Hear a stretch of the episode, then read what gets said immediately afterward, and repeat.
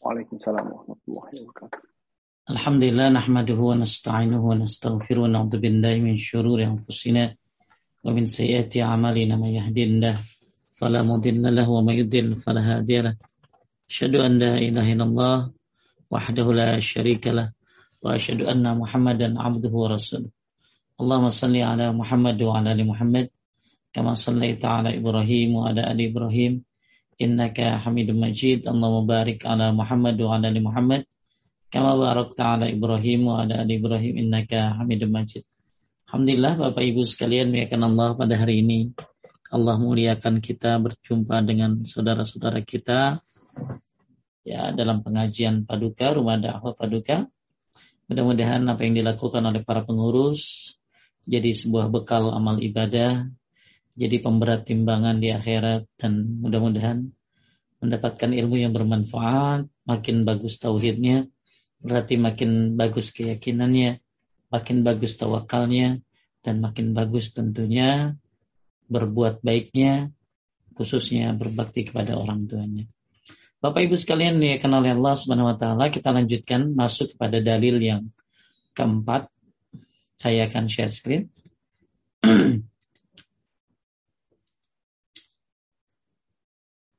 Ini ya Kang ya?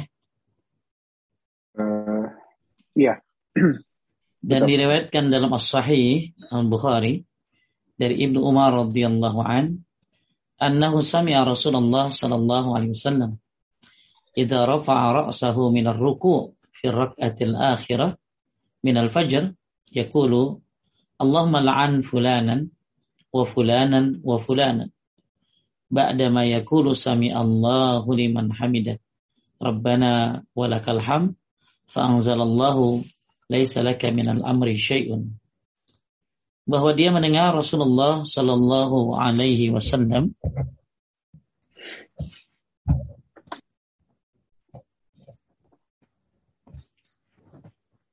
Dia mendengar Rasulullah Sallallahu Alaihi Wasallam setelah terluka di bagian kepala dan gigi taringnya sewaktu perang Uhud. Kita sudah bahas kemarin tentang masalah perang Uhud. Gara-gara satu saja kesalahan, gara-gara satu dosa saja eh, kalah pasukan Islam. Nah sekarang kita pengen menang dengan banyak kesalahan. Maka penting untuk memperbaiki diri kita, apalagi memperbaiki tauhid, karena tauhid ini adalah sumber kemenangan. Ya, tauhid ini adalah sumber kejayaan. Tauhid ini adalah menyebabkan tegaknya agama ini. Tauhid ini juga sebab di hinda diangkatnya segala musibah sampai Allah ganti dengan keamanan. Oleh karena itu, eh, pantas kalau kita ya kalau pengen selamat ya tentunya kembali kepada apa yang ditentukan yang diajarkan oleh Allah dan Rasulnya. Jadi ketika bahwa dia mendengar Rasulullah Sallallahu Alaihi Wasallam setelah terluka bagian kepala dan gigi taringnya sewaktu perang Uhud, ya Nabi berdoa, Nabi berdoa ya, tatkala mengangkat kepalanya dari ruku pada rakaat yang terakhir dalam sholat subuh. Jadi Nabi Shallallahu Alaihi Wasallam setelah mengucapkan Sami Allah liman hamida di rakaat yang terakhir dalam sholat subuh ya dalam salat subuh Nabi berdoa. Nabi berdoa, Allahumma la'an fulanan. Ya Allah laknatlah si fulan. Wa fulanan dan si fulan. Wa fulanan dan si fulan. Ba'da yakul, yaitu Nabi mengucapkan doa tadi, setelah mengucapkan sami Allah liman hamida rabbana walakal ham, Sesudah itu Allah pun menurunkan firman-Nya, "Laisa laka minal amri syai'un." Tidak ada sedikit pun campur tanganmu dalam urusan mereka itu. Al-Imran ayat 128. Dan in dalam menurut riwayat lain, yad'u ala Safwan ibni Umayyah. Jadi Nabi itu mendoakan laknat buat siapa? Beliau mendoakan keburukan bagi Sofyan bin Umayyah. Ini yang pertama. Kemudian Suhail bin Amrin. Yang kedua adalah Suhail bin Amr. wal Haris bin Hisham. Yang ketiga adalah Haris bin Hisham. Fanazalat maka kemudian turunlah ayat laisalaka minal amri syai'un. Baik, inilah dua uh, dua hadis yang akan kita coba bahas. Nanti kita lanjutkan lagi, kita selesaikan malam ini bab 15 agar kita bisa masuk ke bab 16. Taib, syarah, lanjutkan. Ya. Bismillah. Abdullah bin Umar radhiyallahu anhu mengabarkan bahwasannya dia tidak tidak dia pernah mendengar Rasulullah Shallallahu alaihi wasallam mendoakan suatu keburukan di dalam sholat terhadap beberapa orang dari tokoh kafir yang telah menyakiti beliau Shallallahu alaihi wasallam pada pada waktu terjadinya peristiwa perang Uhud.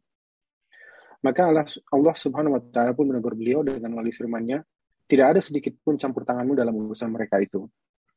Lalu Allah Subhanahu wa taala memberikan taubat atau hidayah kepada mereka, yakni tiga orang yang dilakukan tersebut, sehingga mereka beriman kepada Allah dan Rasul. Masya Allah. Ini jadi dalil apa? Bahwa Nabi Shallallahu Alaihi Wasallam tidak bisa memberi hidayah. Ya, jadi yang bisa memberi hidayah, taufik, itu cuma Allah. Nabi hanya bisa memberikan hidayah irsyad atau bayan, hidayah bimbingan, sama seperti halnya saya dan para asatid semuanya hanya menyampaikan saja. Gak bisa memberikan hidayah taufik kepada bapak dan ibu.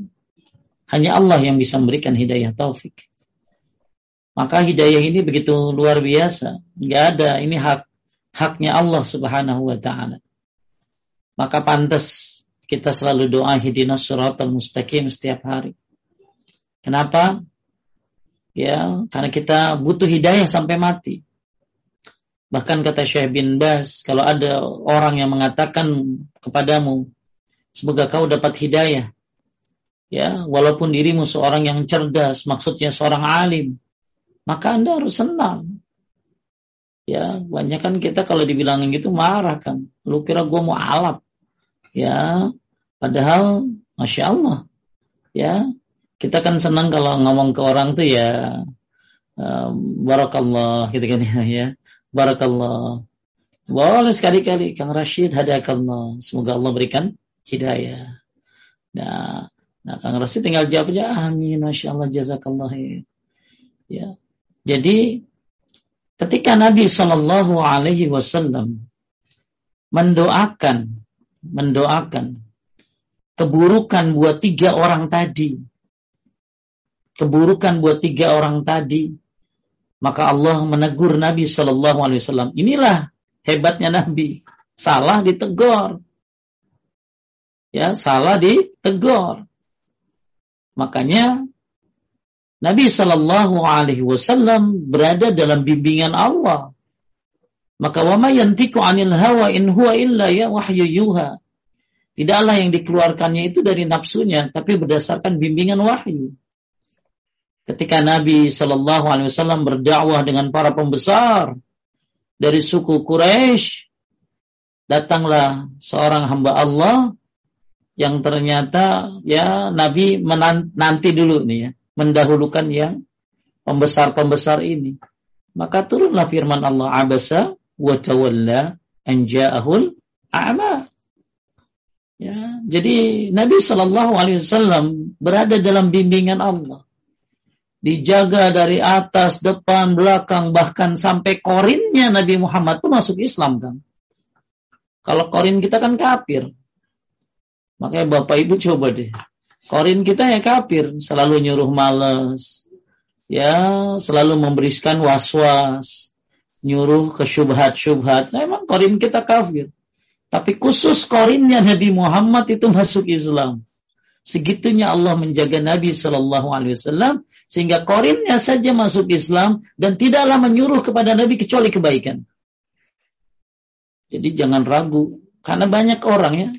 Kenapa Allah sudah sudah jadikan bagaimana supaya orang percaya gitu loh kepada nabi eh, kepada agama ini. Nabi dibu, Nabi buta huruf, betul? Nabi buta huruf ya masih ada kenapa kenapa karena ada orang yang bilang Quran bikinan Muhammad Shallallahu Alaihi Wasallam ternyata Nabi buta huruf Ya kan? Kemudian juga uh, ada orang yang meragukan ya ya tentang masalah-masalah yang lainnya. Maka Allah Subhanahu wa taala ya benar-benar menjaga Nabi Muhammad sallallahu alaihi wasallam ketika salah langsung ditegur oleh Allah Subhanahu wa taala. Ya. Oleh karena itu Bapak Ibu sekalian muliakan Allah, tidak ada keraguan kepada Nabi Muhammad sallallahu alaihi wasallam bahwa beliaulah ya yang apa beliau adalah utusan Allah dan uh, beliau maksum maksum itu berarti bebas dari dosa kalaupun berbuat kesalahan langsung ditegur oleh Allah Subhanahu wa taala sebagaimana ini ya jadi ketika Nabi mendoakan keburukan buat tiga orang tadi, ternyata sebaliknya kan tiga orang tadi dapat tidak hidayah. Ya, saya pernah lihat ada dua ibu-ibu. Satu ibu-ibu ini kan luar biasa jamaahnya banyak kan. Satu lagi nggak ada jamaahnya memang orang biasa. Nah saya kan berusaha menarik si ibu yang banyak jamaahnya itu biar mengenal sunnah, mengenal tauhid, ya satu sisi ibu yang ngaji yang nggak bukan siapa-siapa ya saya anggap ah cuekin dia kalau dia benar dia buat sendiri. Kalau si ustazah ini benar dia bisa ngajarin semuanya. Tapi kadar Allah justru yang dapat hidayah yang yang bukan siapa-siapa tadi. Ya memang kita tuh suka rada-rada ini kan kita orangnya ya. Ya kita tuh ya memang milih-milih kadang-kadang itu. Ya oh udah ini aja dah ya. Saya fokus ke ibu ini nih. Ya pokoknya dibimbing gitu sampai pokoknya kalau ada kajian kita kita bimbing. Tapi nggak ikut ikut nggak ikut ikut nggak ikut ikut tapi si ibu-ibu yang biasa aja semangatnya luar biasa. Kajian saya di sini dia datang dia datang. Ternyata memang hidayah itu bukan kemauan kita. Ya kita hanya memberikan bimbingan tapi siapa yang berhak? Hanya Allah yang berhak memberikannya. Makanya Bapak Ibu ya dibim uh, hidayah yang sudah Allah kasih kepada kita karena dengan agama Islam ya harusnya dibina di apa sih namanya dibimbing gitu loh. Jadi ada orang kan udah dapat hidayah keluar dari hidayah. Syekh bin Bas pernah ditanya kenapa ada orang udah dapat hidayah bisa keluar dari hidayah. Kan ada Pak, ya Kang Rashid udah dapat hidayah, ya tahu-tahu uh, wah udah udah inilah, udah berhijab tiba-tiba ketemu ya udah begitu lagi dia, dia udah lepas. Dia, uh, kenapa ada orang yang bisa lepas dari hidayah padahal dia sudah dapat? Jawabannya adalah dua, satu karena dia tidak tidak apa, dia tidak tidak bersyukur dengan hidayah yang Allah kasih. Makanya kita udah dapat hidayah Islam ini syukuri. Gimana cara bersyukurnya? Belajar. Ya kan banyak orang dari kecil Islam. Tapi yang nggak belajar, nggak belajar agama. Ya udah merasa udah paling hebat aja, udah pokoknya apa yang diajarin dulu udah paling benar aja gitu loh. Padahal banyak hal-hal yang bisa dikembangkan gitu loh. Atau mungkin yang salah tinggal diperbaiki, yang udah benar ya tinggal terusin. Maka penting kita bersyukur kepada Allah terhadap hidayah ini. Gimana caranya? Belajar. Yang kedua, meminta kepada Allah agar diistiqamahkan. Pernah kita minta supaya hidayah ini ajak gitu loh. Ya, dengan baca ya muqallibal qulub tsabbit qalbi tentu Bapak Ibu sering. Rabbana la tuzigh tentu sering. Kenapa? Karena memang itu uh, kita minta kepada Allah. Jadi kenapa orang bisa keluar dari hidayah? Gara-gara dua tadi sebabnya. Satu, nggak mensyukuri dengan cara tidak belajar. Yang kedua, dia tidak meminta untuk dikokohkan hidayah ini. Ya, malah ada satu doa yang bagus. Allah mahdini wasaddidni Allahumma inni as'alukal huda wassadad. Ya Allah, berikan aku hidayah dan kokohkan hidayahku. Ya, sungguhnya engkau Allah yang memberikan hidayah dan menguatkan hidayah. Taib. Jadi Bapak Ibu sekalian dimuliakan Allah, tiga orang yang didoakan oleh Nabi Shallallahu Alaihi Wasallam. Siapa itu? Sofwan bin Umayyah, Suhail bin Amr, Al Harith bin Hisham. yang didoakan oleh Nabi ya dengan laknat ternyata tiga-tiganya masuk Islam. Dulu Islam paling dibenci oleh mereka. Setelah mereka masuk Islam, Islam paling dicintai oleh mereka. Dulu Nabi Muhammad yang dibenci oleh mereka. Setelah masuk Islam, Nabi Muhammad manusia yang paling mereka cintai. Sama seperti seorang raja dari Yamamah. Namanya Sumamah bin Usal. Sumamah bin Usal ini luar biasa. Bencinya kepada Nabi Muhammad sallallahu alaihi wasallam. Setelah dia tertangkap, ya lalu diikat di tiang di Masjid Nabawi, lalu kemudian tiga hari diservis tawanan itu dengan baik. Karena memang nggak ada kezoliman buat tawanan ya diservis, ditontonkan bagaimana akhlak umat Islam, bagaimana akhlak Nabi Shallallahu Alaihi Wasallam.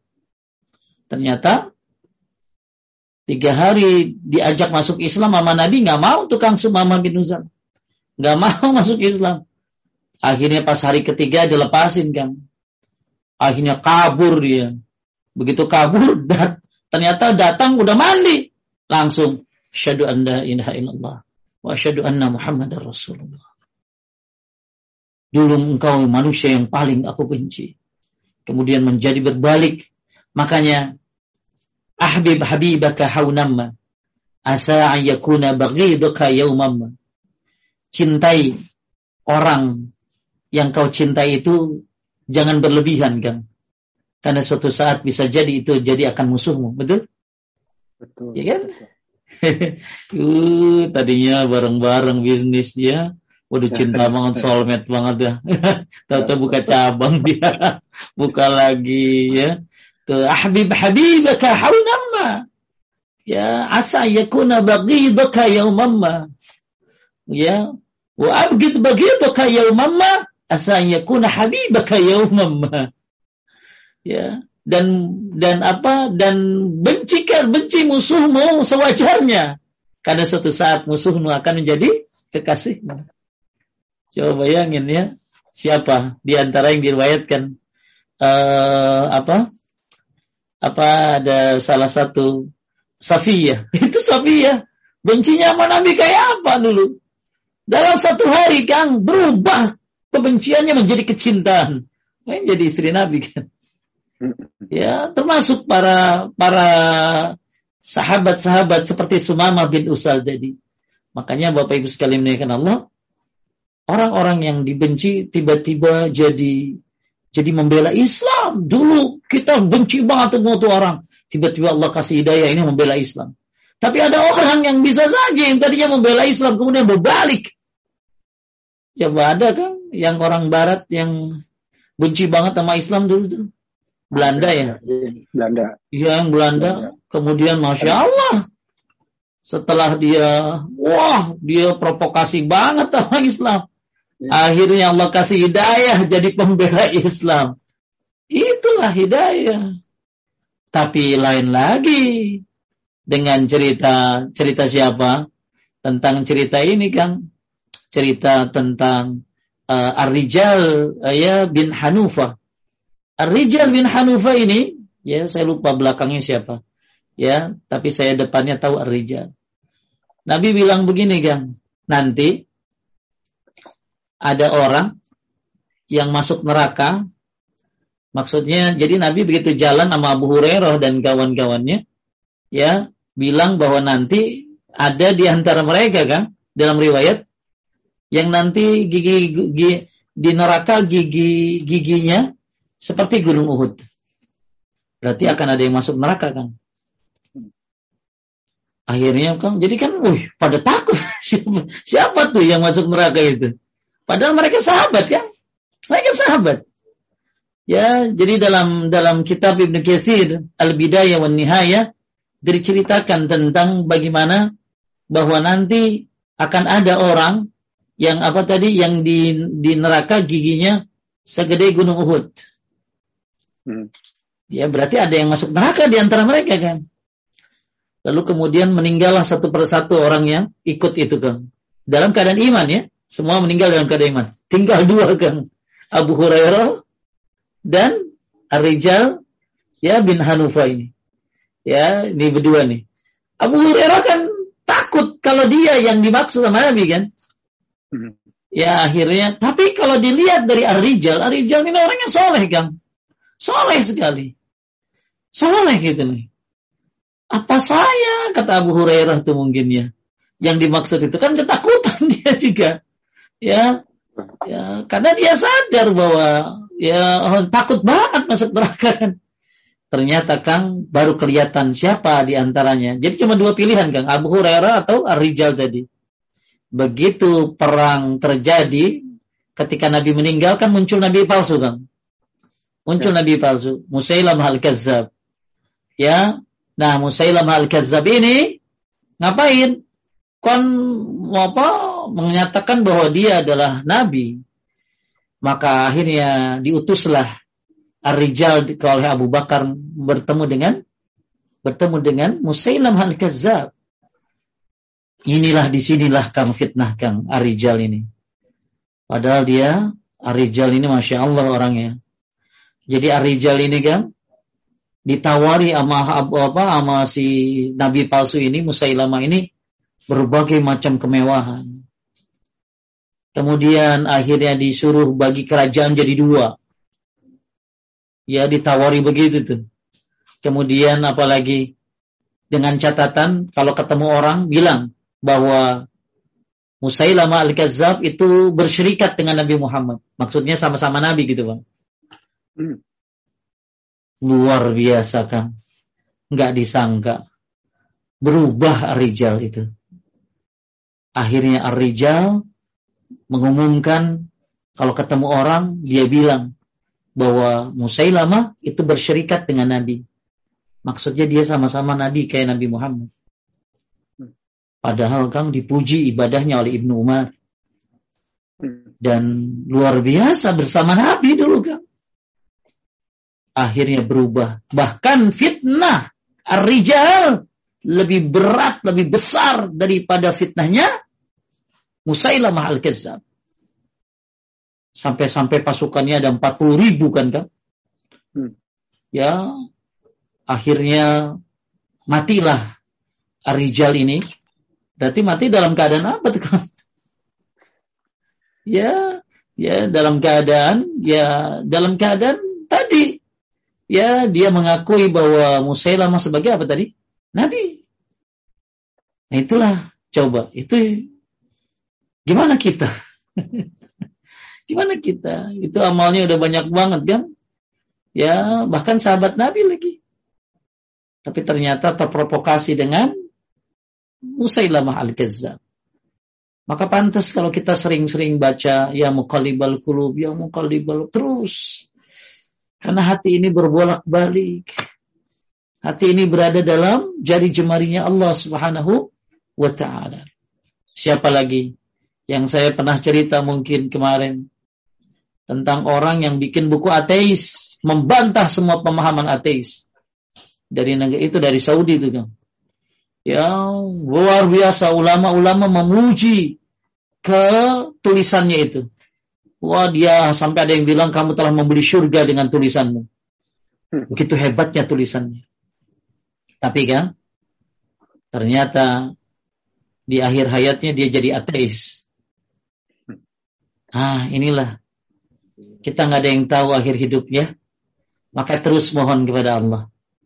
Ya terus berharap kepada Allah Jangan sombong dengan hidayah yang sudah didapatkan. Bagi Allah bisa dengan mudah menariknya dari dirimu. Ketika ada orang yang memang belum dapat hidayah, doakan. Mudah-mudahan dia dapat hidayah. Ya, kalau tidak, ya jangan dihina. Ya, jangan jangan dihina. Ya, bisa saja nanti orang yang kau celah itu dapat hidayah bahkan lebih baik dari dirimu. Insyaallah. Taib jadi kisah ini mengajarkan kepada kita semuanya ya bahwa hidayah taufik bukan milik Nabi Muhammad sallallahu alaihi wasallam. Hidayah taufik adalah milik Allah Subhanahu wa taala. Bahkan Nabi mendoakan laknat kepada tiga orang tersebut. Malah tiga orangnya masuk Islam semuanya. Makanya nggak ada yang tahu Ya, mungkin orang-orang yang sekarang memusuhi Islam bisa jadi dapat hidayah kan kan? Ya, kemudian membela Islam. Dan bisa jadi ada orang yang tadinya belain Islam jadi berubah. Ya, la hawla quwata illa billah. Nah, inilah yang namanya hidayah. Kita cuma bisa berdoa terus meminta kepada Allah Subhanahu wa taala. Tapi kita lihat faedahnya satu. Uh, ya, satu di dalam hadis ini terkandung makna la ilaha illallah atau tidak ada yang berhak diibadahi dengan benar kecuali Allah. Karena miliknya segala urusan, dia memberi petunjuk kepada siapa saja yang dia kehendaki dengan karunia dan rahmatnya. Dia pula yang menyesatkan siapa saja yang dia kehendaki dengan keadilan dan hikmahnya. Sehingga hanya dialah yang berhak untuk diibadahi. Tuh, ya maka di sini kita nyuruh ngapain? Ya, bahwa ya Allah yang ngatur semuanya. Allah yang ngatur semuanya. Ya, ya Allah yang memiliki kehendak segalanya. Ya bagi Allah terserah Allah dong. Ya Allah yang punya kehendak. Ya Allah pencipta. Kita hanya diciptakan. Makanya kita tugasnya berdoa, berdoa dan berdoa. Ya, makanya begitu turun ayat wa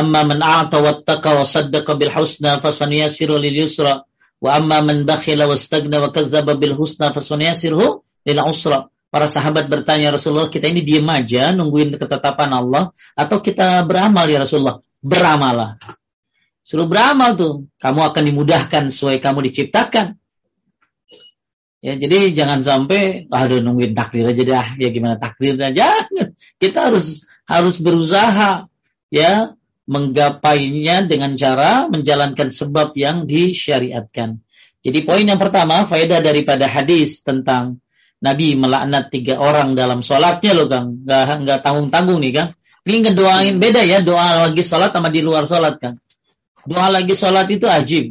Maka yang paling bagus kalau doa tuh lagi sholat bukan habis sholat gitu. Ya, maka ulama ikhtilaf tentang doa habis sholat. Tapi kalau doa dalam sholat nggak ada perbedaan, paling bagus. Karena khairu amalikum as-salat, sebaik-baik amal adalah sholat. Maka doa paling bagus apalagi lagi sujud sebelum salam disuruh banyakin doa. Bayangin, Nabi ini kunut loh kan? Ini kunut kan doanya nih. Ini kunut nazilah nih kayak gini nih. Mendoakan Nabi Sami Allahu liman hamidah, langsung Nabi kunut. Ternyata sehebat-hebatnya doa Nabi Shallallahu Alaihi Wasallam, maka Allah yang punya kehendak apakah pantas untuk dikabulkan atau tidak. Ini tiga orang yang didoakan laknat oleh Nabi ternyata masuk Islam. Jadi hikmahnya kita nggak boleh uh, apa sih namanya ya? Bisa jadi orang yang anda anggap jauh dari agama bisa jadi nanti dia dekat dengan agama. Bisa jadi. Ya banyak ya saya lihat orang-orangnya saya lihat orang-orang yang tadinya sama agama cuek, wih sekarang luar biasa semangatnya. Ya, nah ini ya bahkan uh, apa ada yang akhirnya sampai belajar jauh sekali, ya sampai sekolah lagi, padahal dia sudah S2 dalam urusan dunia, dia belajar lagi Kang. Sampai sekarang mungkin lima tahun lagi atau 10 tahun lagi kita udah tua dia tampil kali Kang. Ya, padahal orangnya udah S2, dan S2 apa uh, akuntansi ya gitu ya. Tapi saking pengen belajar agamanya, akhirnya sampai sekolah, sampai pindah rumahnya ya ke Jember saking benar-benarnya untuk apa belajar agama. Maka nggak ada yang tahu ya, makanya Bapak Ibu sekalian menaikkan Allah, tugas kita berdoa dan berdoa, hidayah milik Allah Subhanahu wa taala.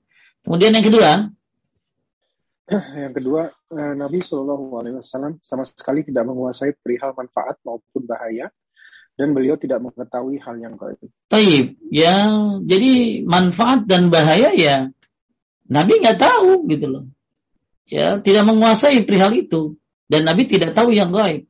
Nabi tahu kalau dikasih tahu. Jadi ada beberapa hal yang gaib yang dikasih tahu kepada Nabi Muhammad SAW seperti tanda-tanda kiamat.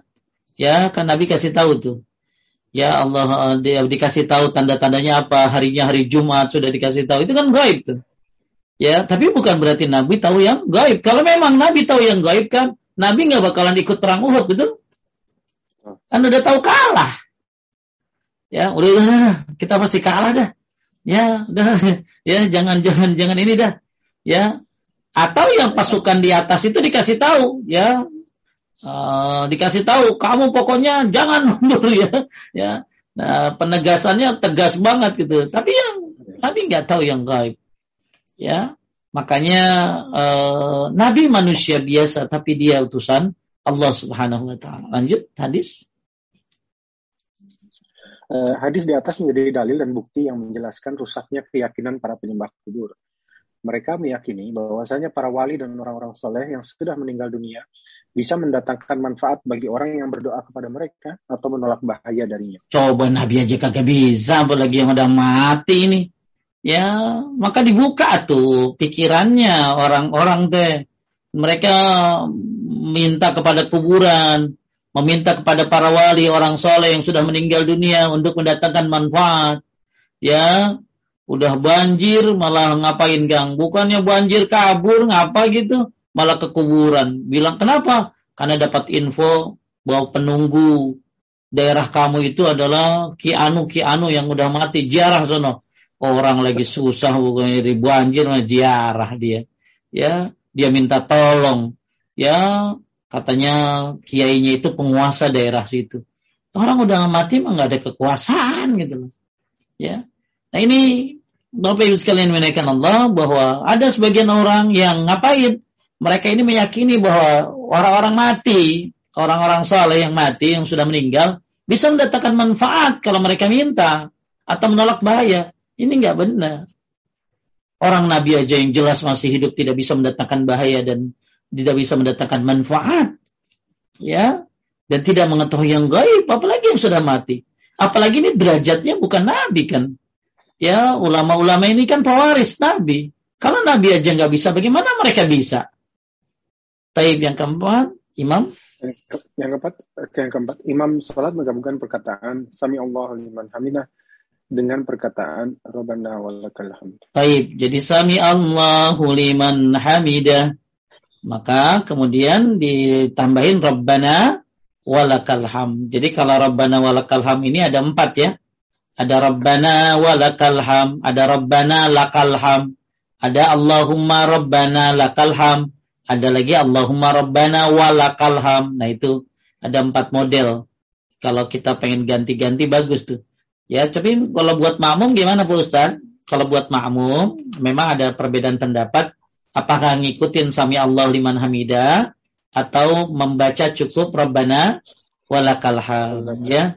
Jadi kalau di kitab Salatul Mu'min uh, makmum cuma membaca Rabbana walakal. Jadi imam salat menggabung perkataan sami Allahu kan Nabi kenapa ini masuk di bahasan ini Gang? Ini kan masalah fikih.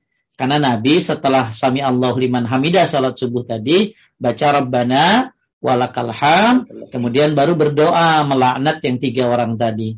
Maka diambil faedah oleh penulis Ustadz Yazid bin Abdul Qadir Jawas hafizahullah bahwa ya setelah uh, buat uh, kita kalau buat imam sholat maka digabungkan sami Allahu liman hamidah Rabbana walakal ham.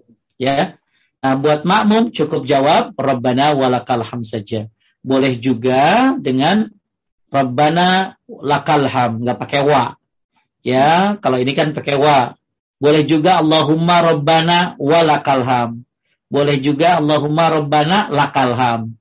Jadi tinggal dihilangin wa-nya, ditambahin wa-nya atau ditambahin Allahum Allahumma. Ada empat model tentang bacaan Rabbana walakal ham. Kemudian lanjut. Uh, nomor lima yang disyariatkan membaca kunut pada salat subuh dan salat wajib yang lima waktu. Jika ada nazilah, uh, musibah, perang, dan lainnya. Adapun kunut subuh yang terus-menerus dilakukan, maka ini bid'ah dan hadis dalam masalah ini adalah hadis yang lemah. Taib, ya. Jadi disyariatkan baca kunut uh, dalam sholat lima waktu ya. Ketika memang ada nazilah ya, nazilah ini ada musibah, ada perang dan lain sebagainya ya. Nah, maka cuman masalah kunut subuh memang terjadi perbedaan dan pendapat. Yang kunut subuh itu cuma uh, ada dua mazhab. Setahu saya mazhab Malik dan Syafi'i ya kemudian yang tidak kunut subuh sama sekali mau kunut apa pun ya itu mazhab Abu Hanifah Kalau yang masih ada kunut tapi kunut nazila dan kunut witir, nah itu mazhab Ahmad. Jadi kalau mazhab Imam Ahmad ada kunut witir, kemudian ada kunut apa satu lagi tadi kunut nazi nazilah, ya kunut nazilah. Nah, ke, paling eh, paling lengkap pembahasan itu yang saya baca di kitab Sahih Fikih Sunnah. Ya, Bapak Ibu yang punya kitabnya bisa merujuk ke sana tentang bagaimana eh, apa pendapat-pendapat tentang masalah kunut subuh. Dan penulis di sini ya pen, pen, apa pensyarah beliau uh, apa uh, menganggap hadis tentang kunut subuh itu lemah. Ya, ini perbedaan pendapat yang wajib kita hormati. Lanjut nomor 6. Yang keenam, penetapan bahwa Al-Quran adalah diturunkan dari sisi Allah Azza wa Jalla bukan makhluk ini merupakan keyakinan Ahlussunnah wal Jamaah. Taib. Jadi Al-Qur'an adalah kalamullah, ya. Bahwa Al-Qur'an adalah diturunkan di sisi Allah, ya, bukan makhluk. Karena di sini kan kita bahas tadi kemudian Allah menegur beliau melalui firman-Nya, "Laisalah kaminal amri syai'un." Ya berarti Quran itu bukan makhluk, ya. Jadi kalau Al-Quran itu kalamullah. Eh, berapa tahun yang lalu ya saya dengar ada aliran ini muncul lagi kan yang mengatakan Quran itu mah makhluk. Ya padahal ini aliran dulu di zamannya Imam Ahmad ya. Sampai Imam Ahmad itu disiksa supaya mengakui kalau apa kalau Quran itu adalah makhluk. Tapi Imam Ahmad gak bergeming. Makanya ada ulama bilang kalau misalnya Imam Ahmad pada saat itu bilang Quran itu makhluk, maka sampai hari ini kita akan bilang Quran itu makhluk. Hmm. Ya, tapi karena Imam Ahmad terus menjaga akidahnya, ya, uh, apa supaya uh, bahwa Quran bukan makhluk, ya, maka sampai hari ini alhamdulillah kita mengatakan Quran adalah kalamullah. Dulu ada seorang ulama Kang, dia hafiz Quran. Lalu dia bersumpah, kalau memang Quran itu bukan makhluk, maka siap saya hilang hafalannya semuanya. Maka akhirnya Allah hilangkan 30 juz. Al-Ikhlas saja nggak diisi saya nama Allah. Ya, karena dia mengatakan Quran itu apa? Makhluk. Ya. Taib. Selanjutnya nomor tujuh. Uh, yang ketujuh, bolehnya mendoakan keburukan untuk kaum musyrikin dalam sholat. Taib, ya dibolehkan mendoakan keburukan buat kaum musyrikin dalam sholat. Ya kalau misalnya masalah utang piutang mah ya Kang ya gak usah ya sampai segitunya ya. Nah ini masih bisa diselesaikan ya. Jangan sampai lagi tiba-tiba dia kunut nazilah sendiri. Kenapa? Karena ngedoain si lanat ini kena kagak bayar utang-utang gitu ya. Itu mah ya itu mah jangan pakai kunut nazilah itu perkara kecil ya.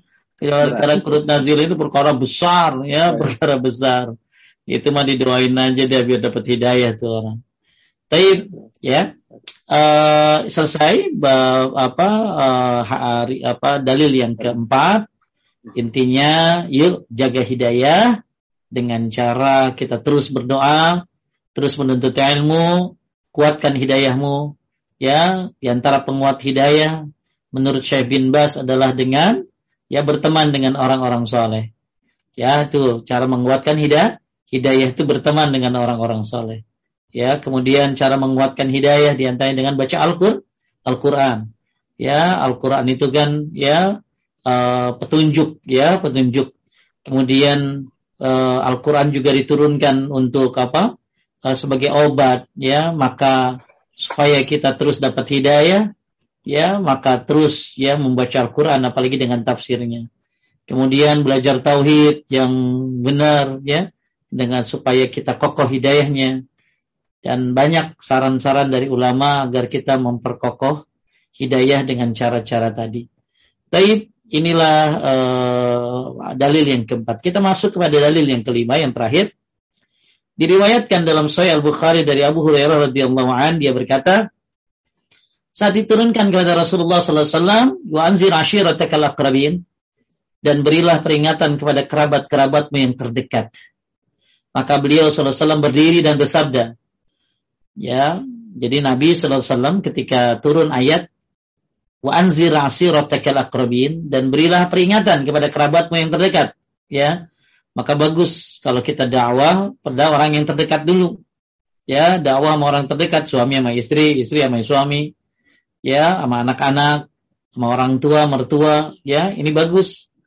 Maka setelah turun ayat ini surat Asy-Syu'ara ayat 214 ini, maka Nabi SAW berdiri dan bersabda, Ya ma'asyara Quraisy au kalimatin nahwaha ishtaru anfusakum la ugni ankum minallahi syai'a ya bani abdi manaf la ugni ankum minallahi syai'a ya Abbas bin Abdul Muttalib la ugni anka minallahi syai'a ya Safiyah ammah Rasulullah sallallahu alaihi wasallam la ugni anka minallahi syai'a ya Fatimah binta Muhammad sallallahu alaihi wasallam salini ma syi'ti min mali la ugni anki minallahi syai'a la haula wala quwata illa billah perhatikan Bapak Ibu benar-benar kita uh, menjalankan tauhid ini.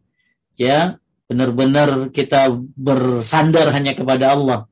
Perhatikan Kang, ini Kang, waktu ada seorang syekh ya, kalau nggak salah seorang syekh ini ceramah di sebuah negara gitu ya. Itu baca hadis ini Kang. Setelah dia baca hadis ini, langsung ada seorang mengatakan kepada dia, kamu telah menghancurkan seluruh berhala yang ada di negeri ini. ya, jadi kamu telah menghancurkan berhala yang ada di negeri ini. Apa maksudnya? Taib kita lihat artinya. Lanjut. Abu Abu Hurairah radhiyallahu anhu mengabarkan tentang apa yang dilakukan Rasulullah sallallahu alaihi wasallam ketika eh, Allah kan? memerintahkan Udah ya. Uh, ya. Lanjut artinya Kang. Wahai segenap kaum. Oh, wahai segenap kaum Quraisy, tebuslah diri-diri kalian, selamatkan diri-diri kalian dari azab Allah dengan mentauhidkan Allah. Sebab aku tidak bisa berbuat apa-apa untuk kalian di hadapan Allah. Aku tidak dapat menyelamatkan kalian dari azab Allah. Wahai Bani Abdul Manaf, aku tidak bisa berbuat apa-apa untuk kalian di hadapan Allah. Aku tidak dapat menyelamatkan kalian dari azab Allah. Wahai Abbas, anak Abdul Muttalib, aku tidak bisa berbuat apa-apa untuk engkau di hadapan Allah. Aku tidak dapat menyelamatkan kalian dari azab Allah. Ini semua keluarga nih, keluarga ya. Nabi ya. Jadi Nabi nggak bisa nyelamatin dari azab Allah. Hanya Allah yang bisa. Maka jangan minta kepada Nabi Muhammad, tapi minta kepada Allah Subhanahu wa taala. Ya. Bayangin Kang, ini nabi, ini keluarga dekat semua. Gimana kita? Namanya aja kita kagak Islami-Islami acan. Ya kan? Ya kalau Rashid masih bagus ya. ya. ya. Makanya nama ya, ini, ini, ini keluarga Nabi semuanya nih. Ya, keluarga Nabi semuanya. Tapi Nabi nggak bisa bisa menolong mereka di akhirat nanti. Maka kita hanya Allah, ya, tahu gitu gitu tuh kan. Hanya Allah kita meminta. Nabi Muhammad tugasnya ngajarin kita, bukan Nabi disembah, bukan kita minta sama Nabi Muhammad. Ya, tapi minta kepada Allah. Bayangin siapa lagi selanjutnya, Kang? Wahai uh, Safiyah. Wahai Safiyah, bibi Rasulullah SAW. Aku tidak bisa berbuat apa-apa untuk engkau di hadapan Allah. Aku tidak dapat menyelamatkan kalian dari azab Allah. Wahai Fatimah, anak Muhammad, mintalah dari hartaku sesukamu. Aku tidak bisa berbuat apa-apa bagimu di hadapan Allah. Aku Masya tidak dapat Allah, Fatimah sekalian segala kang. Coba siapa kita? Satu, kita bukan orang Arab. Ya, dua, ya bukan orang Arab. Dua, tampang gitu bukan tampang Arab. Nama kita juga bukan nama Arab, tapi alhamdulillah kita Islam. Ya, jadi Nabi Shallallahu Alaihi Wasallam tidak bisa menyelamatkan keluarganya. Gimana kita? Gimana dengan kita? Ya, kadang-kadang Ya, jadi ada orang soalnya yang bilang begini, Ya Rasulullah agisna, Ya Rasulullah agisna, Ya Rasulullah agisna. Apa artinya? Ya Rasulullah tolong kami, Ya Rasulullah tolong kami. Gak boleh begitu. Ingat saya itu ada ibu-ibu ya, tahu di masjidnya suaranya kencang-kencang. Saya lagi nungguin aja di mobil ya, mau mau kajian. Ya Rasulullah agisna. Ya, emang kagak ngerti apa artinya? Ya Rasulullah tolong saya, Rasulullah tolong. Bolehkah Anda ngomong begitu? Sedangkan setiap sholat kita mengatakan ihdinas suratal mustaqim. Iya kena abudu wa iya kena stain. Hanya kepada Allah kami menyembah, hanya kepada Allah kami minta pertolongan. Jadi Bapak Ibu sekalian dimuliakan Allah, ya Makanya yang penting bukan namanya ya, yang penting kita ngikutin nabinya gitu loh. Maka mau nama siapa aja terserah dah, yang penting namanya bukan nama nama sahan sah itu nggak boleh kalau nama sahan sah gitu ya. Ya, uh, siapa pun, makanya kalau nama nggak apa-apa beda. Tapi yang penting adalah Anda mengikuti Nabi Muhammad SAW dan Nabi Muhammad mengajarkan kita bertauhid. Jadi di hadis ini setelah Nabi Shallallahu Alaihi Wasallam uh, turun disuruh apa turun ayat untuk mengajarkan kepada kerabat-kerabatnya, maka Nabi ngasih tahu yang pertama, Nabi ngasih tahu apa? Wahai segenap kaum Quraisy, berarti semuanya Kang. Kaum Quraisy, tebuslah diri kalian. Sebab aku tidak bisa berbuat apa-apa untuk kalian di hadapan Allah. Ya, kita boro-boro Quraisy Kang, bukan kita mau. Ya. Kemudian wahai Bani Abdi Manaf, Nah, lebih spesifik lagi nih, Kang. Hmm. Ya, aku tidak bisa berbuat apa untuk kalian di hadapan Allah. Lebih spesifik lagi, wahai Abbas Abdul Muttalib. Ya, ini paman Nabi nih. Aku tidak bisa berbuat apa pun untuk kau di hadapan Allah. Kemudian wahai Safiyah, bibi Rasulullah. Kemudian lagi wahai Fatimah. Aku tidak bisa minta hartaku dari mintalah hartaku sesukamu aku tidak bisa berbuat apa-apa bagimu di hadapan Allah yang bisa Bapak Ibu sekalian menaikkan Allah, yang bisa nolong kita, yang bisa menyelamatkan kita, memberikan hidayah kepada kita, menolong kita sampai masuk ke dalam surga adalah Allah Subhanahu wa taala. Bukan Nabi Muhammad sallallahu alaihi wasallam. Nabi Muhammad hanya mengajarkan, memberikan kita hidayah irsyad, tapi hidayah taufik milik Allah. Makanya Kang tadi saya bilang, setelah seorang syekh ceramah di sebuah negara, bawakan hadis ini Kang, maka setelah selesai ada yang ngomong sama dia, kamu telah menghancurkan semua berhala yang ada di negeri ini. Kenapa? Karena ternyata di negeri itu banyak yang minta tolong sama para wali, Gang. Banyak yang minta tolong sama syekh-syekh seolah-olah dia bisa menyelamatkan dirinya dari api neraka. Bahkan saya dengar banget itu ada seorang apa? Seorang yang katanya seorang apa dia minta kepada gurunya sampai-sampai dibilang gurunya itu punya surga sendiri. Diizinkan untuk memasukkan murid-muridnya ke dalam surga. Pret. Hmm. luar biasa. Siapa dia? Ya saya kaget juga ngomongnya. Dia diizinkan untuk memasukkan murid-muridnya ke dalam surganya. Surga milik Allah. Nabi Muhammad Shallallahu Alaihi Wasallam. Ini jelas-jelas buah ini ngebantah abis bagi orang yang minta tolong sama Syekh Mawali minta selamat. Nanti saya di akhirat tinggal minta tolong sama Syekh Abdul Qadir Jailani. Eh lihat Nabi Muhammad SAW tidak bisa menolong Fatimah. Tapi Fatimah ternaik derajatnya karena apa? Amalnya sendiri. Fatimah amalnya kayak apa? Pimpinan wanita di surga adalah Fatimah. Ya. Kemudian Hasan dan Husain, ya, apakah begitu dia bersandar gitu? Kalau gue mau cucu Nabi, gak usah ibadah kali gitu. Kagak. Hasan dan Husain luar biasa ibadahnya. Ya, Ali bin Abi Thalib menantu Nabi. Ya, apakah dapat kartu khusus dia untuk masuk surga? Para sahabat Abu Bakar, Umar, Utsman, Ali, ya mereka dekat bahkan Abu Bakar dan Umar adalah mertua Nabi. Apakah dengan ya kalau di kita kan di dunia begitu Kang. Kalau ada satu yang punya jabatan langsung semuanya ngikut ya kan? Saya iya. nak ya ini kan bukan kajian politik ya Pak. jadi jadi ada orang ketika wow ini pejabat ya udah. Ya begitu ada macam-macam juga selalu kan. Bapak jangan tangkap saya. Uh, apa paman saya, paman saya punya paman, paman saya ah, itu pejabat Pak. Padahal jauhnya minta ampun gitu. Sampai-sampai orang kalau mau apa? Kalau uh, ada cerita mungkin zaman dulu ya ada cerita kalau mau ada urusan tanya dulu gitu. Maaf Pak, Bapak keluarga pejabat? Bukan. Bapak tetangganya pejabat mungkin? Bukan. Bapak mungkin ini, bukan pokoknya. Kalau begitu tolong Bapak angkat kaki Bapak. Saya keinjek dari tadi gitu. Maksudnya ya banyak orang kan, padahal keluarganya jauh dari mana, selalu dihubung-hubungkan. Ya nanti saya minta tolong sama saudara saya tuh yang pejabat tuh, ya. Dan lain. Nah, ini kan hanya cerita oknum saja. Kan di Indonesia begitu banyak orang. Ya, nggak tahu di negeri mana gitu loh. Tapi intinya, ya ada orang yang begitu ya. ya, ya. Nah sekarang dia untuk masalah untuk masalah keselamatan di akhirat. Nggak bisa pejabat itu nolong kamu. Mungkin dia bisa lepas dari jeratan hukum di dunia ini. Tapi nggak bisa lepas dari jeratan hukum, jeratan hukum di sisi Allah subhanahu wa ta'ala. Jadi Bapak Ibu sekalian memuliakan Allah, beramallah untuk dirimu. Jangan kau beramal untuk siapa?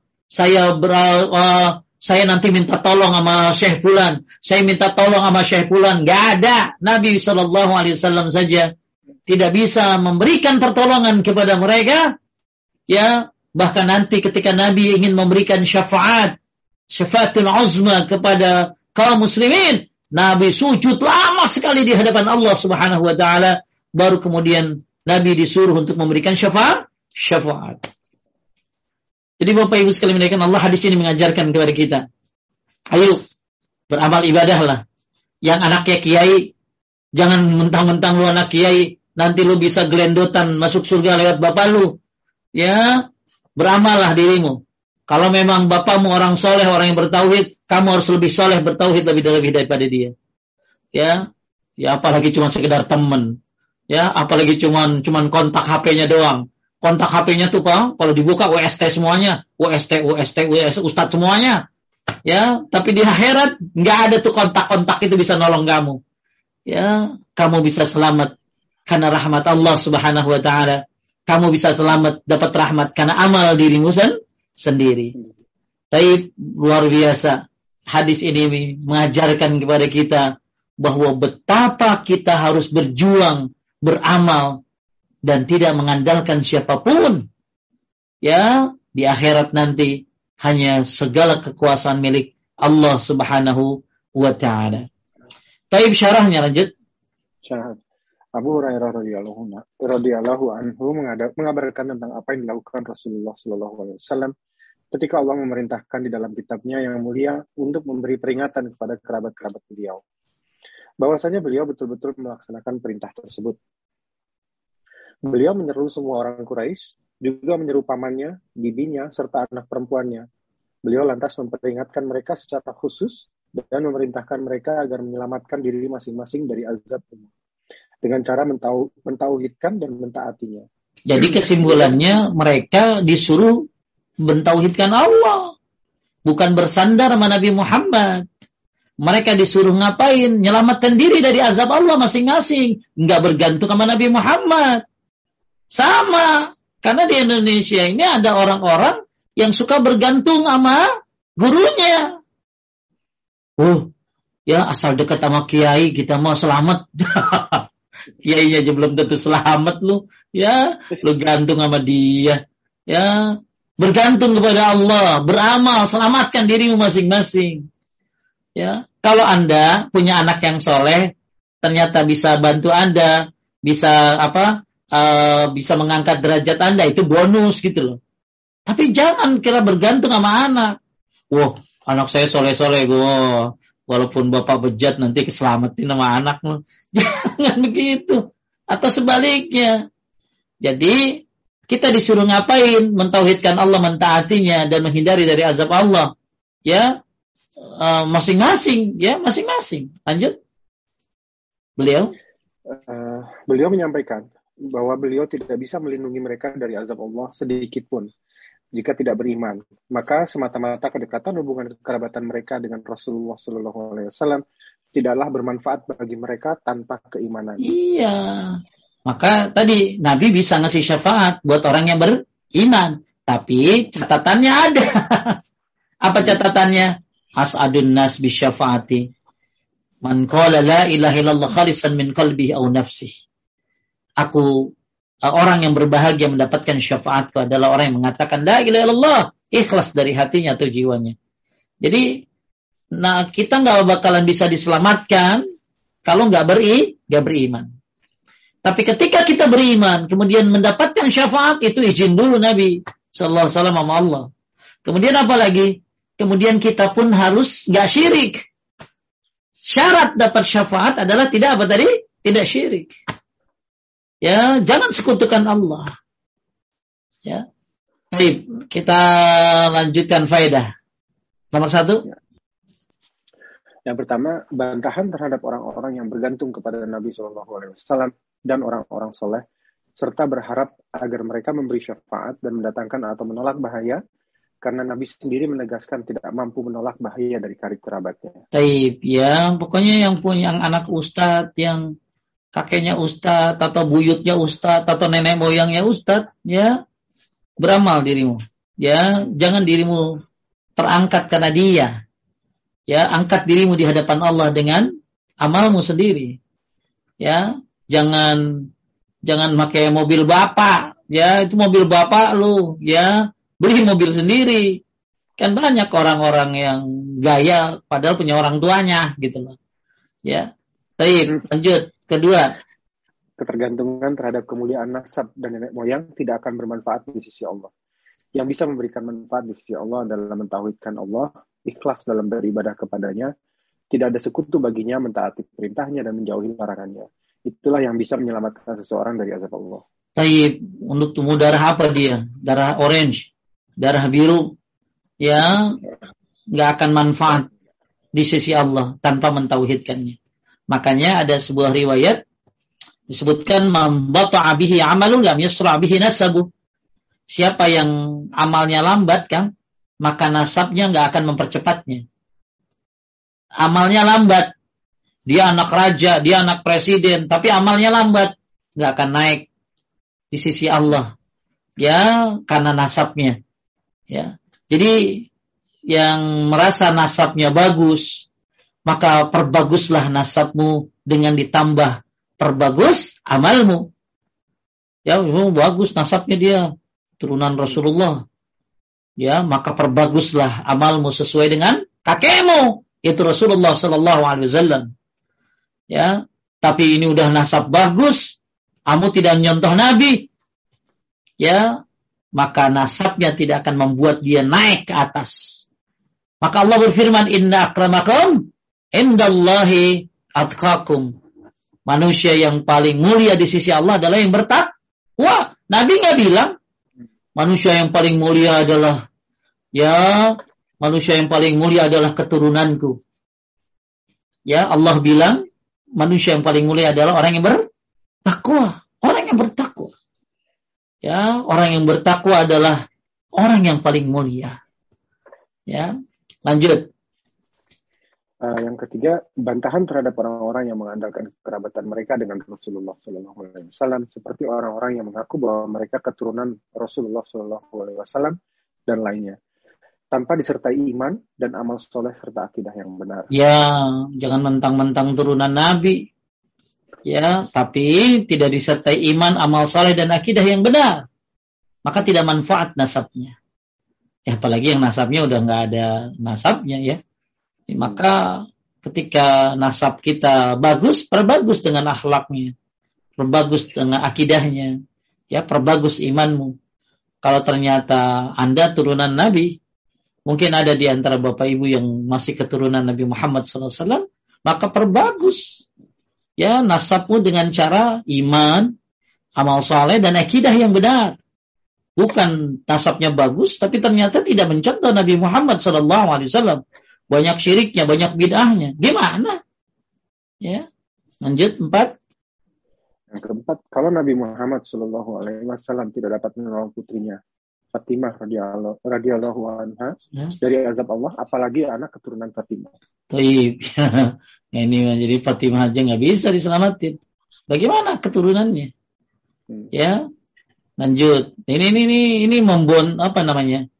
Mem, mem, apa ya, mem, memecahkan uh, apa bahwa banyak orang yang memang bergantung kepada nasab gitu loh, sombong terhadap nasab.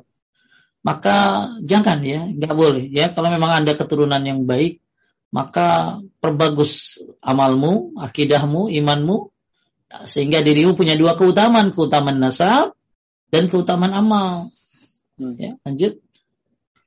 Yang dapat menolong seseorang dari azab Allah adalah iman yang benar, tauhid yang ikhlas, amal soleh yang sesuai dengan tuntunan Nabi Shallallahu Alaihi Wasallam, ketaatan kepada Allah dan Rasulnya dan menjauhi menjauhkan kesirikan bid'ah dan maksiat.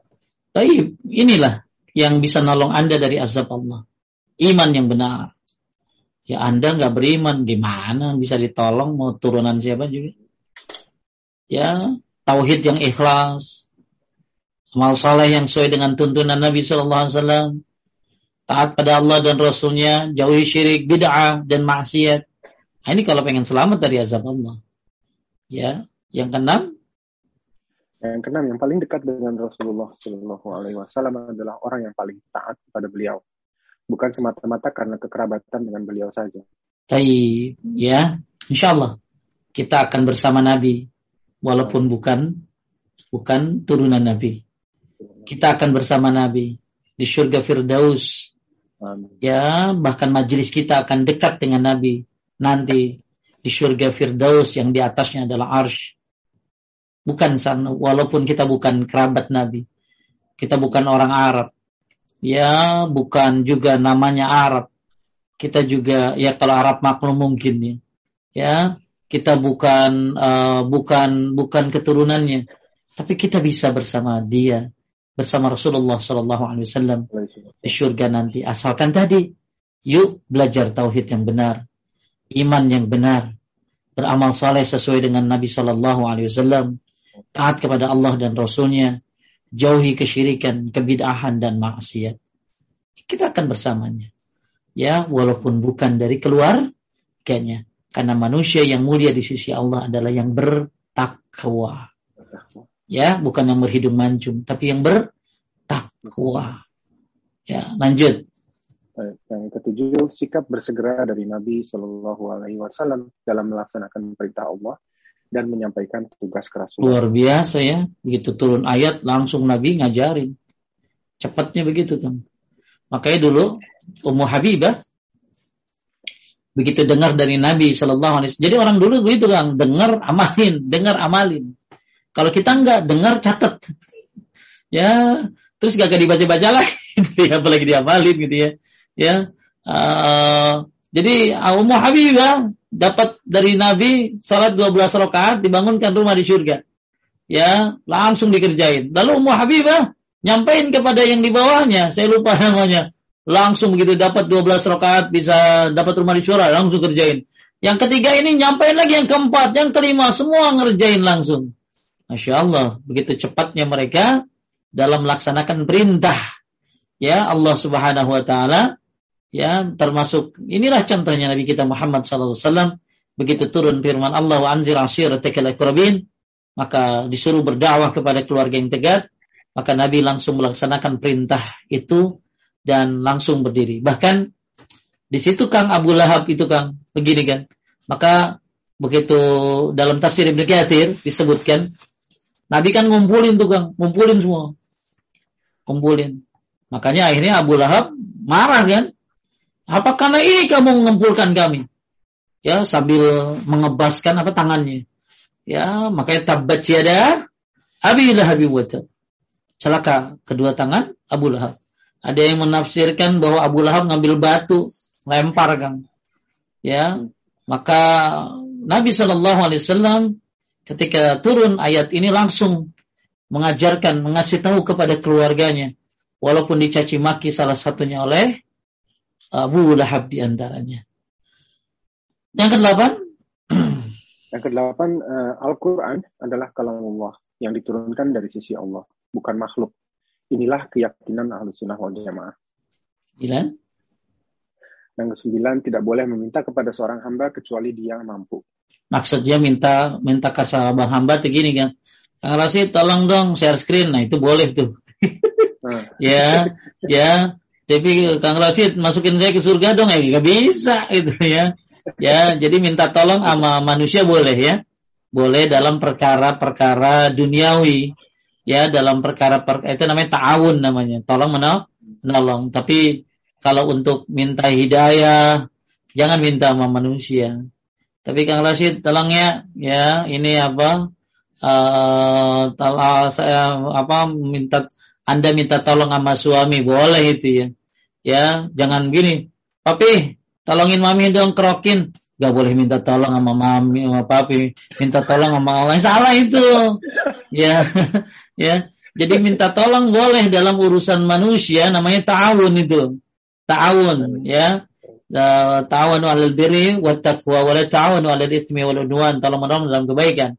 Tapi untuk hak-hak yang bersifat hanya Allah yang berhak bisa minta pertolongan, ya seperti hidayah, ya maka itu jangan minta kepada makhluk.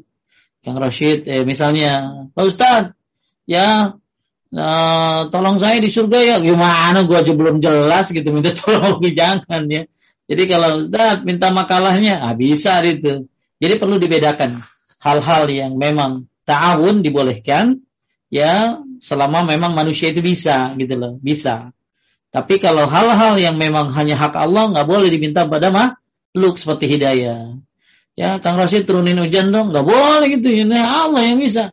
Ya Kang Rosid juga ngomong ngomong gue pawang gitu ya. Bukan. Taib selesai bab 15 Alhamdulillah. Mudah-mudahan Bapak Ibu bertambah uh, kuat akidahnya bertambah kuat tauhidnya sehingga tambah yakin bahwa pentingnya berdiri sendiri dalam dalam apa? Dalam mengerjakan sesuatu. Betul kan? Ya kadang-kadang kalau nyuruh orang suka lama kan? Ya. yang penting kerjain sendiri. Ya. Maksudnya apa? Yuk belajar tauhid yang benar. Yuk ya tingkatkan amalmu. Ya sesuai dengan sunnah Nabi Shallallahu Alaihi Wasallam. Jauhi syirik ya jauhi bid'ah jauhi maksiat kenapa agar kita bisa bersama Nabi di surga. Jangan minta kepada siapa pun untuk uh, apa keselamatan kita kecuali hanya kepada Allah Subhanahu wa taala. Semoga yang nasabnya bagus, amalnya tambah bagus.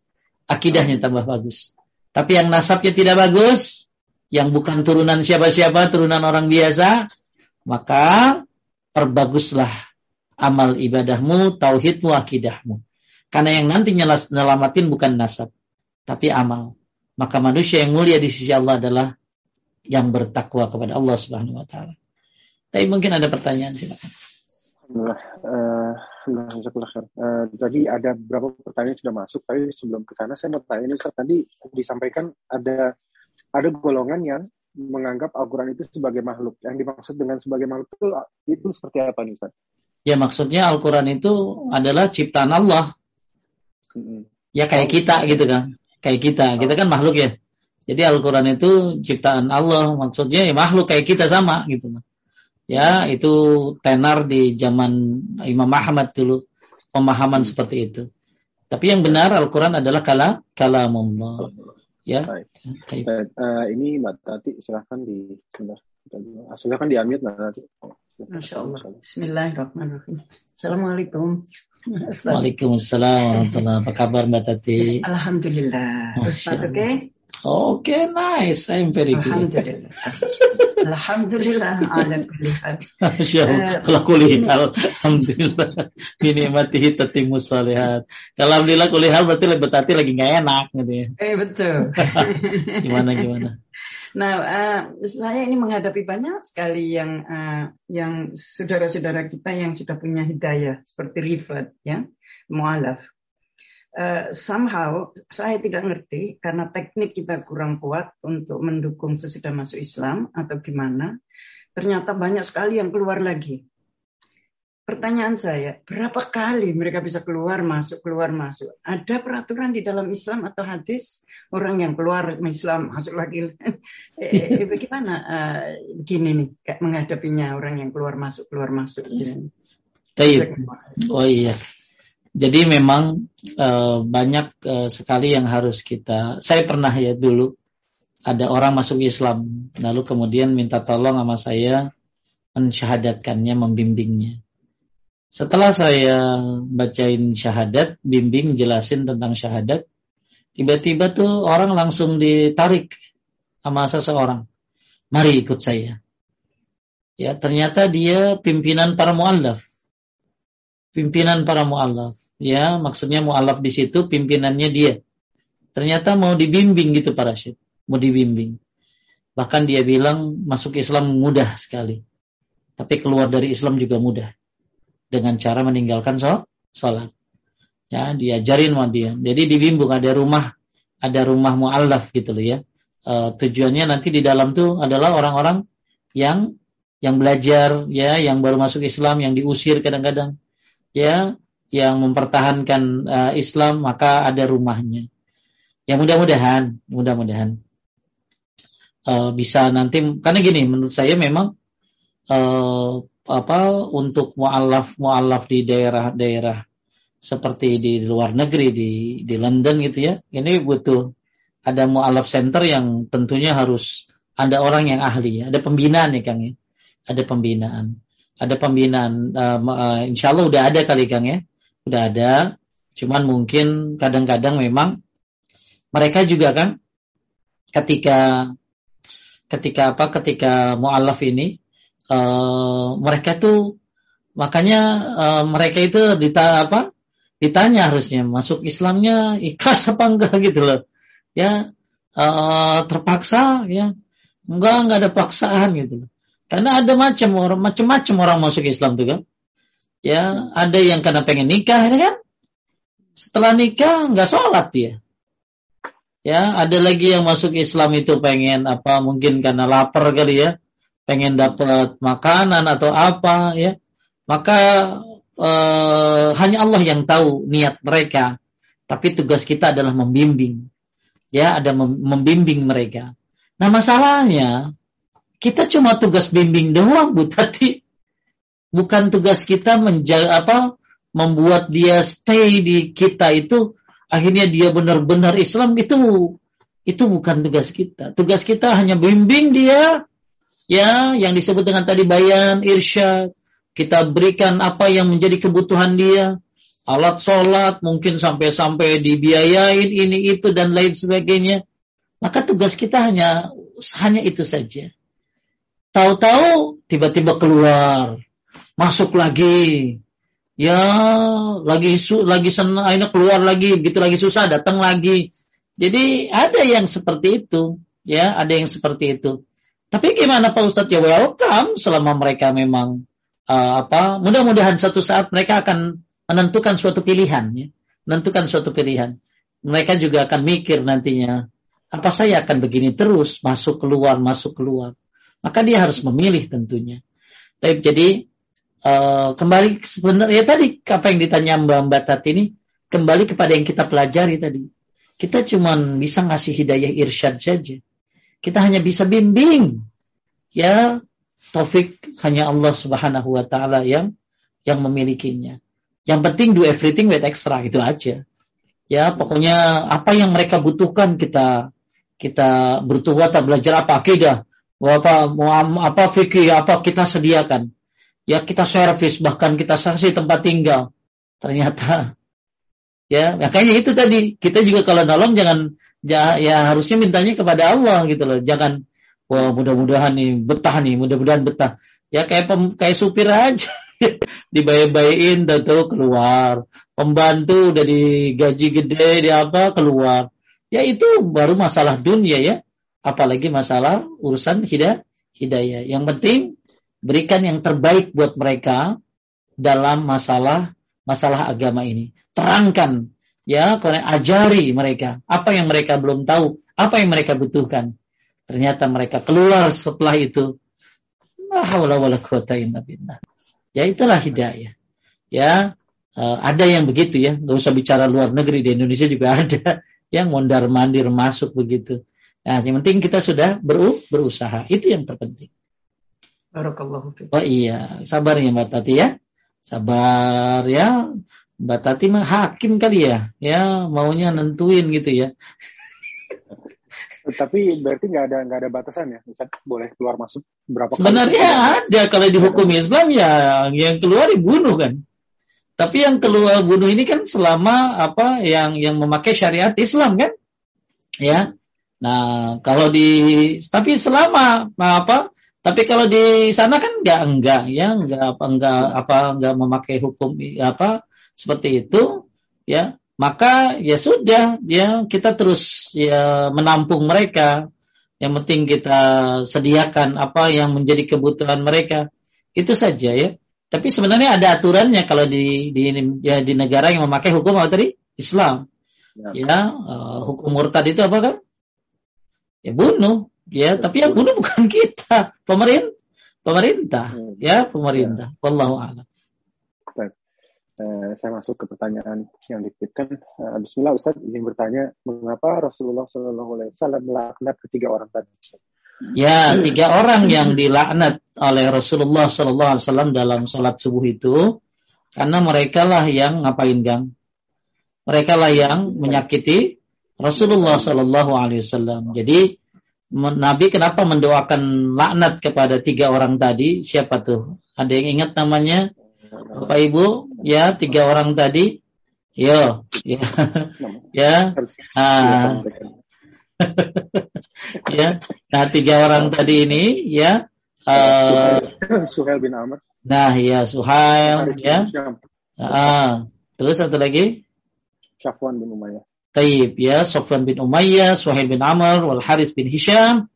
Tiga orang ini kenapa ya? Tiga orang inilah dedengkotnya.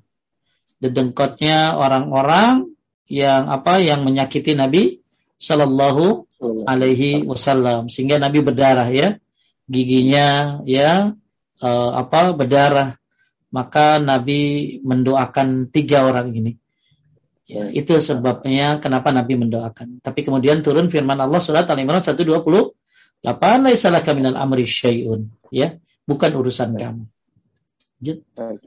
Ini pertanyaan berikutnya nyambung sama pertanyaan pertama tadi tapi bukan saya yang nanya nih.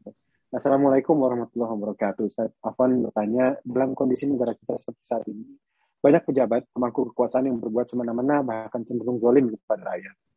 Doa apa yang boleh kita panjatkan? Apa apakah doa doanya hanya boleh memintakan hidayah buat mereka? Boleh-boleh saja kita mendoakan kejelekan buat orang. Boleh-boleh saja. Ya, akan tetapi yang terbaik adalah memberikan mereka apa minta kepada mereka kebaikan. Ya, karena gini loh. Kalau kita minta uh, berdoa kejelekan buat mereka, ya uh, apa uh, berdoa kejelekan buat mereka, maka ya kita uh, bisa jadi nanti orang ini ada akhir baiknya gitu loh. Ya, ya makanya lebih baik mintakan hidayah. Ya, mintakan hidayah buat mereka ya Allah berikan hidayah buat mereka. Tapi kalau kita takut dari kejahatannya sebenarnya cuma doa begini aja kan. Allah makfini bima syi'ta. Allah makfinihi bima syi'ta. Atau sebutin misal Allah makfinihi bima syi'ta. Ya Allah, ya maksudnya itu doa kalau kita takut kezaliman orang. Ya, Uh, nah, kalau paling gampang, doa yang paling gampang nggak usah yang susah-susah lah, yang disampaikan oleh Syekh bin Salih Utsaimin, Ketika kita takut akan kezaliman seseorang, maka katakanlah hasbi Allah wa ni'mal wakil. Nah, itu pasti hafal kan? Betul? Hasbi Allah wa ni'mal wakil. Cukuplah Allah sebagai sebagai pelindungku. Jadi kata Syekh Utsaimin kalau kita takut kezaliman seseorang, ya akan kezaliman seseorang, maka katakanlah hasbi Allah wa ni'mal wakil. Atau kalau kita bacanya hasbunallah wa ni'mal Mani amal wakil. Jadi Bapak Ibu sekalian menaikkan Allah, ketika ada pejabat-pejabat yang zolim, wah macam-macam dah. Ya, ya apa, ya bisa saja atas kehendak Allah dia berubah, bahkan masuk Islam bisa jadi. Wallahu alam. Tapi kalau anda tanya mas saya, boleh nggak kita mendoakan keburukan orang? Boleh kalau anda dizalimi mah. Ya, tapi mendoakan mereka untuk kebaikan, hidayah itu jauh lebih baik. Ya, jauh lebih baik dan karena Nabi nyuruh kita untuk bersabar kan bersabar bersabar walaupun sampai diambil hak kita maka kita disuruh bersabar Wallahu alam lanjut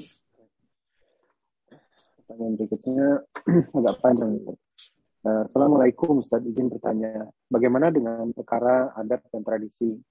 Soalnya saya kerap kali mendengar bahwa agama tidak boleh dicampur adukan pembahasannya dengan adat dan tradisi.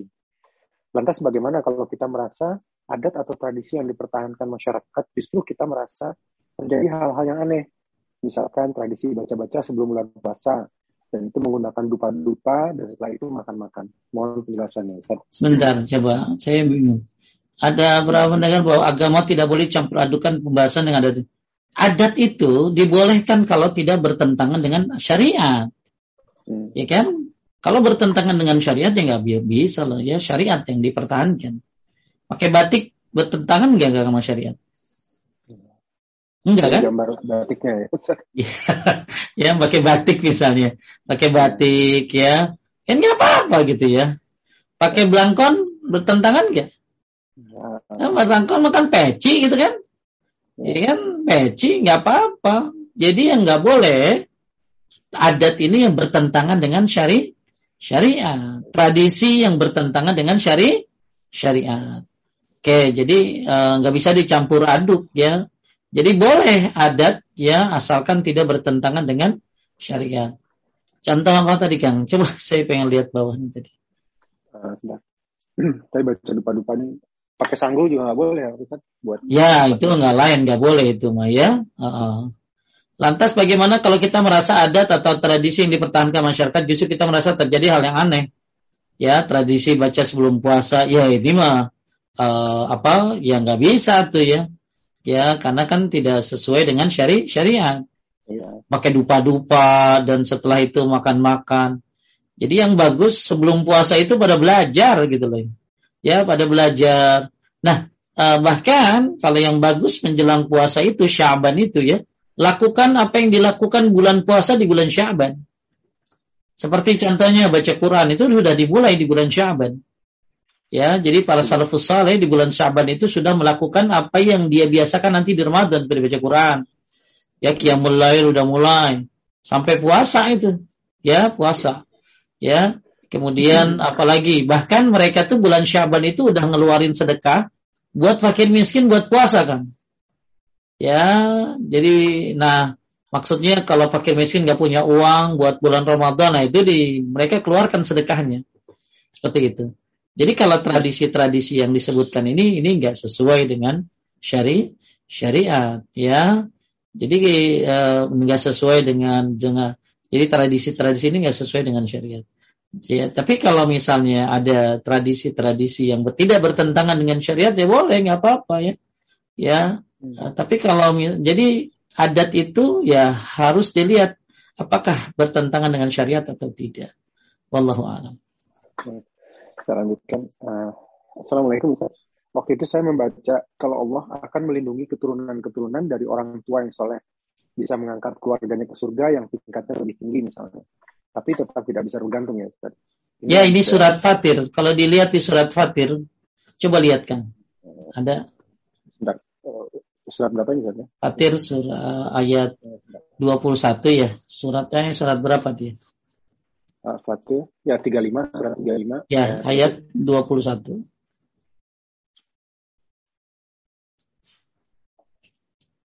nah. Fatir 21 enggak eh. ini ayat. uh, beda kayaknya tidak ayat 20 kali ayat 20 20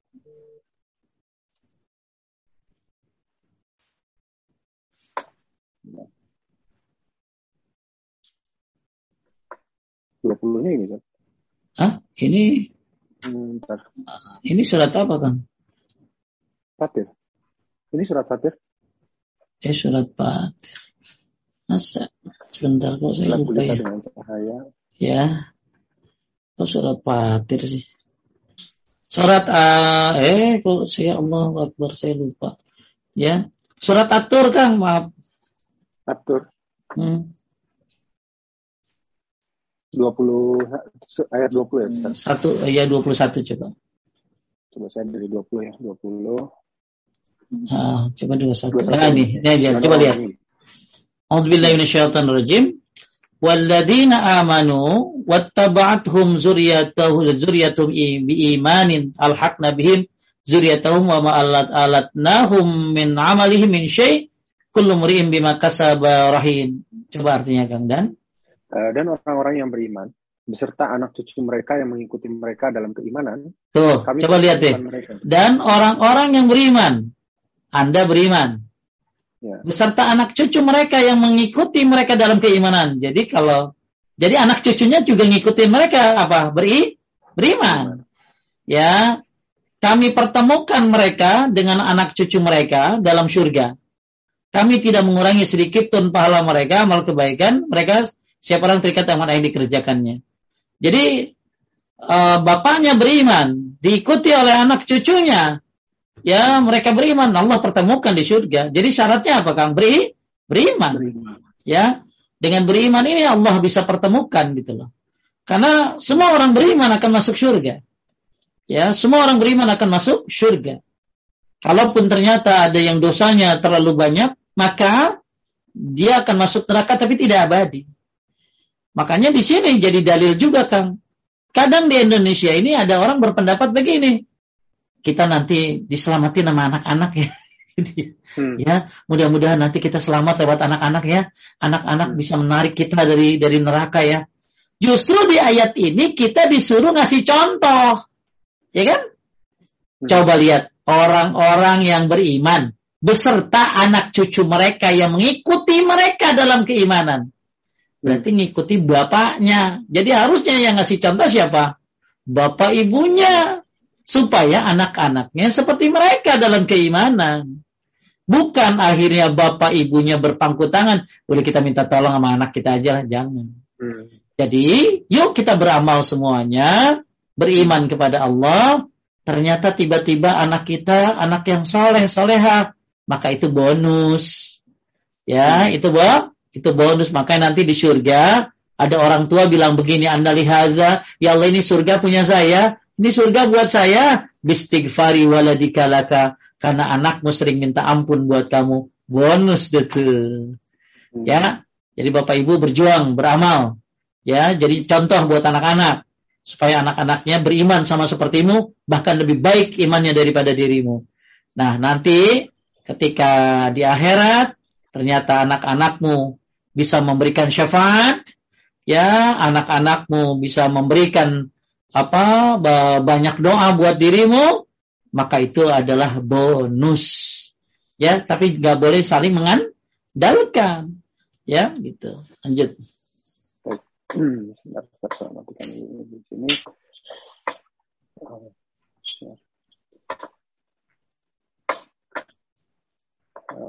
Ya, Assalamualaikum warahmatullahi wabarakatuh, Ustaz.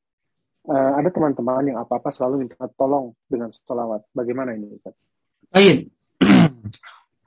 Sebenarnya ya, yang saya pengen tahu dia baca sholawat apa itu satu.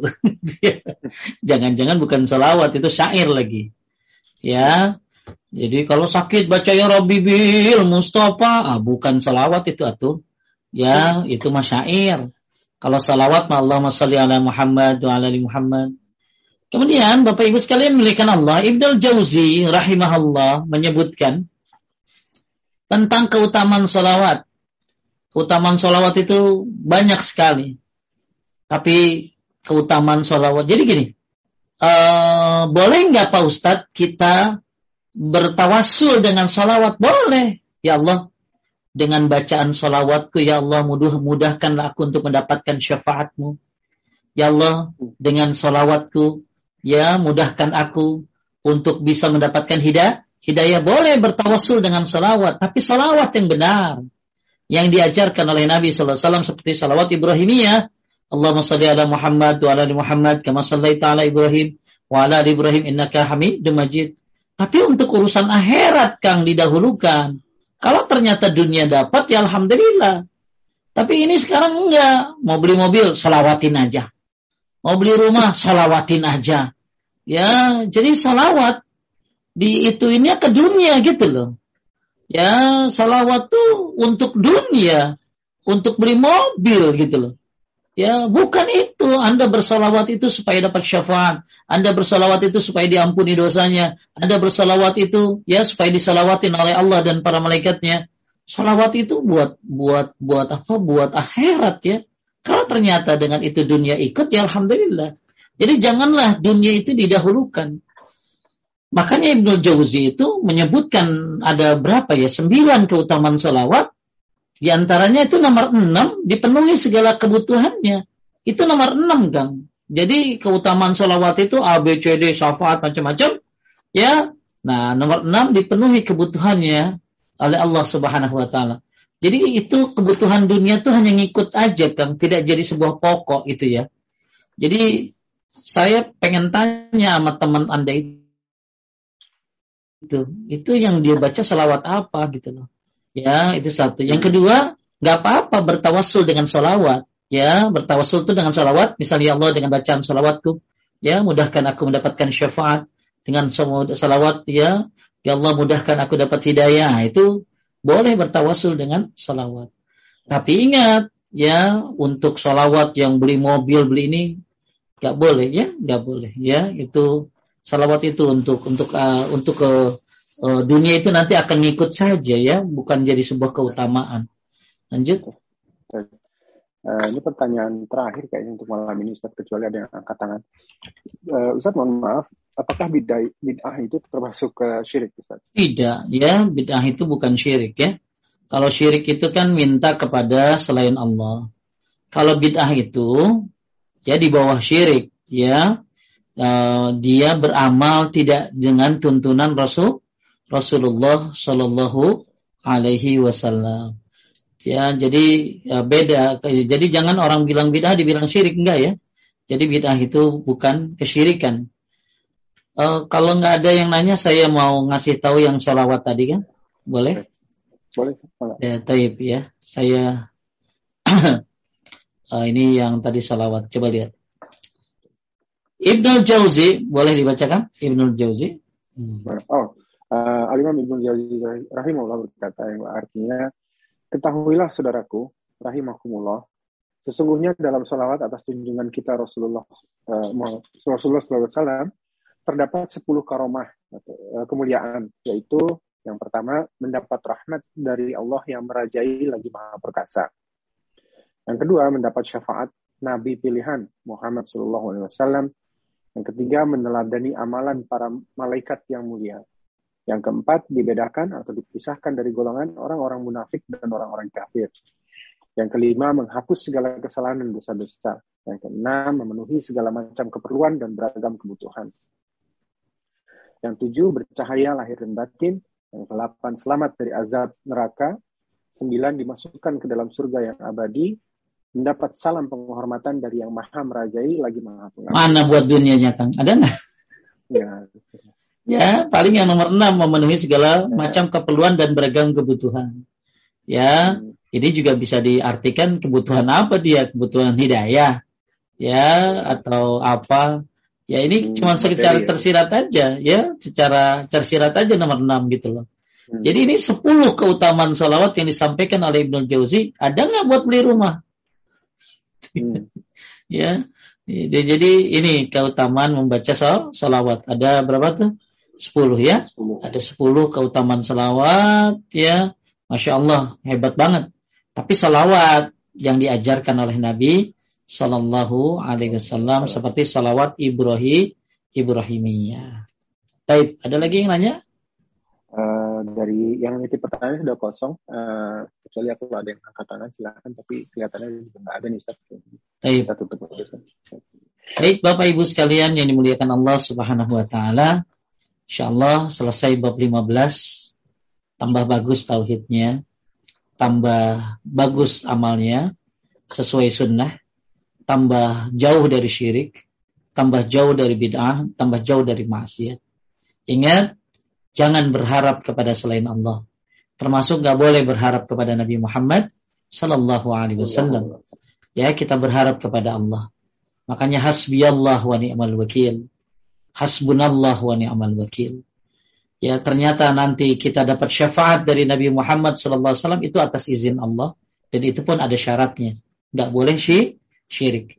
Orang yang pengen dapat syafaat gak boleh syirik. Ujung-ujungnya akhirnya adalah tauhid lagi. Maka kita ikuti sunnah Rasulullah. Ya, tapi ingat jangan pernah meminta kepada Rasulullah, tapi memintalah kepada Allah Subhanahu wa taala dan terus ikuti sunnah Nabi Shallallahu Alaihi Wasallam karena sunnah Nabi mengajarkan kita untuk banyak sekali keselamatan di antaranya adalah keselamatan di akhirat dan Apa yang diajarkan oleh Nabi Shallallahu Alaihi Wasallam adalah semuanya mengajarkan kita untuk kembali kepada Allah dan berharap dan meminta pertolongan kepadanya sebagaimana kalimat yang sering kita baca iya karena budu wa iya wa iya karena stain.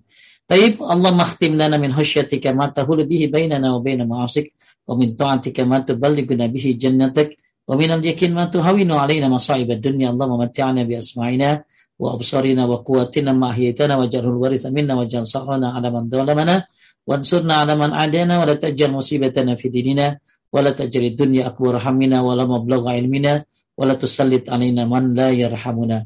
Subhanaka Allahumma wa bihamdika asyhadu an la ilaha illa anta astaghfiruka wa atubu ilaik. Terima kasih Kang Rashid dan seluruh para pengurus dari Rumah Dakwah Paduka. Terima kasih buat semua yang sudah hadir. Barakallahu fikum. Assalamualaikum warahmatullahi wabarakatuh.